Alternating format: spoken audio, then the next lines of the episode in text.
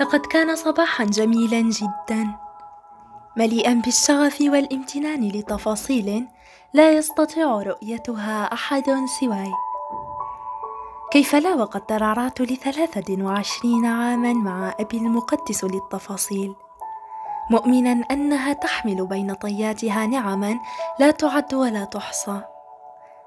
فقد كان يذكرني كل صباح قبل الانهماك في التناسق ورقصة الحياة قائلا شغف بنيتي عليك أن تمجدي تفاصيل حياتك. إذ أن بإمكان هذه الأخيرة أن تغير قصة واقعا مزاجا يوميا أو حتى قدرا ربما من يدري أن تملك القدرة على الاستيقاظ يوميا بطاقة إيجابية لسبعين عاما إنه بحق لمعجزة أو دعوني أقول أنه والدي محبوب المدينة. الحاج حسين صاحب أجمل مقهى على الإطلاق والذي بت أسيره بانتظام. بموازاة عملي كرسامة ومترجمة في إحدى أكبر الشركات اللبنانية وكذا صحفية في جريدة صغيرة. منذ أن غادرتنا أمي. إنه يشتاق إليها. أشعر بذلك. ينام منذ عشر سنوات لا تفارقه صورتها. هذا وأني رغم دخلي الجيد جدا لا أريد إهمال ما تبقى من ذكريات أحياؤها مستحيل. ولكن إبقاءها تدفئ داخلنا ممكن. لقد كنت أعمل لساعات متأخرة. ما دفعني إلى ذلك هو الحب الذي أكنه لكل زاوية من ذلك المقهى. فهناك أتسلل إلى ذاكرة طفلة داخلي. لتطلعني على تفاصيل تلهمني سعادة لولاها لما ترشفتها. أنا أفكاري وكوب شاي يبل ريقي بعد تناول جرعات من كتابي المتمرد. وأوركسترا أبي المفضلة تعزف في الخلف طبعا. لقد كنت أعيش حالة تخمر دون الحاجة إلى قطح من النبيذ إلى أن قاطع نشوتي دخول مبتذل لشاب في مقتبل العمر. تبا لقد كان نشازا داخل سيمفونية قائد الأوركسترا فيها مبتدئ. سأخرب ليلته. وبلهجة الشرق الجزائري تمتمت شغف ربي فوت الليل على خير. تقدمت إلى طاولته جاهزة لشجار لو بدأ فلن ينتهي. حدق فيها بنظرة حادة جعلها تبادر بماذا آتيك سيدي؟ عوضا عن تبا لك أفسدت أجمل صدفة لي مع أجمل شخصية في الكتاب. لقد جهزت لها الدنيا وقوعا في حب استثنائي. لم تستبقه في ذاكرتها يوما. هو لم يكن مثاليا ولكنه كان لها. لباقته مشيته نظرته. نبرة صوت نزيم وهو يحادث افكارا تراود قلبها. ففي الحب فقط يصبح العقل اخرسا. أليس كذلك؟ انقطع صوتها بضع ثوان وكذا نبض قلبها ثم عادت بعد زفير طويل. نظرته كانت نوعا من السحر. حاكى انوثتها الصارخة. لقد راقص روحها على نوتات التانجو. حوارهما كان مزيجا من الإغراء والعنف والانفه كيف لا وهو الخبير في فن التلاعب بالكلمات خريج المدرسة العليا للعلوم السياسية. وفي أحد صباحات يوم خريفي جميل كالعادة الأربعاء. توجه نزيم ليترك رسالة عند باب المقهى. ليس مجرد رسالة حب لشغف. فقد اعتزل كونه ساعي بريد يخدم العشق. ومن ثم توجه إلى شاطئ المدينة أن سيجمع رحاله إلى إسبانيا حراقا. هو لم يملك يوما ما يكفيه من المال. لقد كان يعلم جيدا أن حبه شغف مستحيل. هذا وأن قدرته حتى على إقامة عقد قران منعدمة فما بالك أن يقيم عائلة؟ تخيل.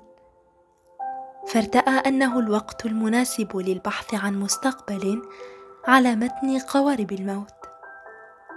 عله يقوى على إعانة أبويه أيضا. لقد ترك نفس الرسالة في ذلك اليوم.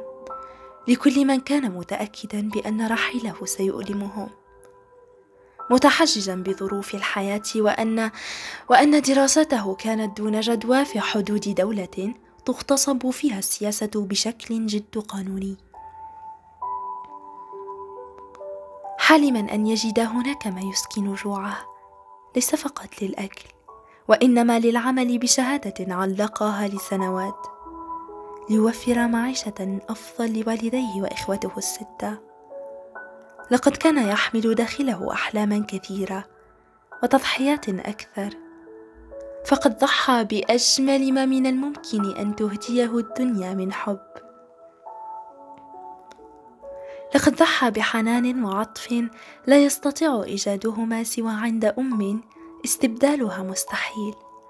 سيتركها بحرقتها بتعبها الذي غزا تقاسيم وجهها.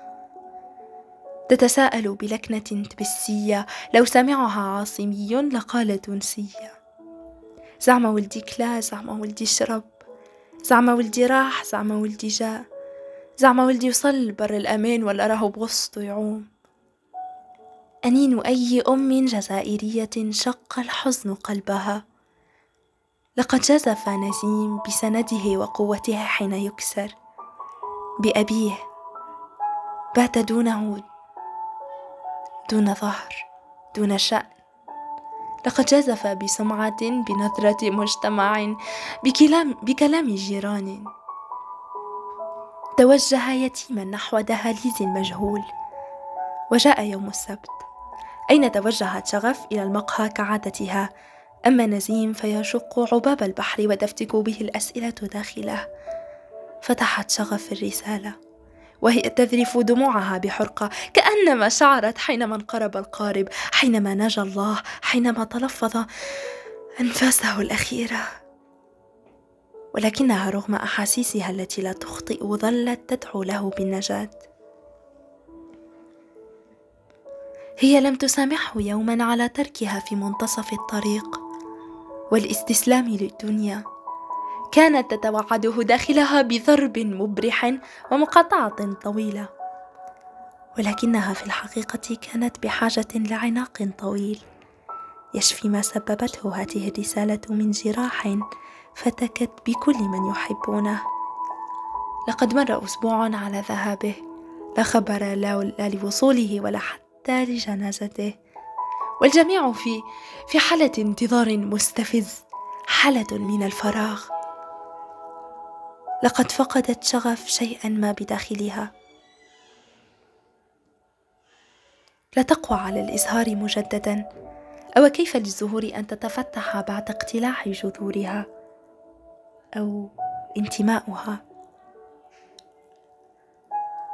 خبر عاجل. ستة وستون حراجا لاقوا حتفهم على متن قارب متجه نحو إسبانيا.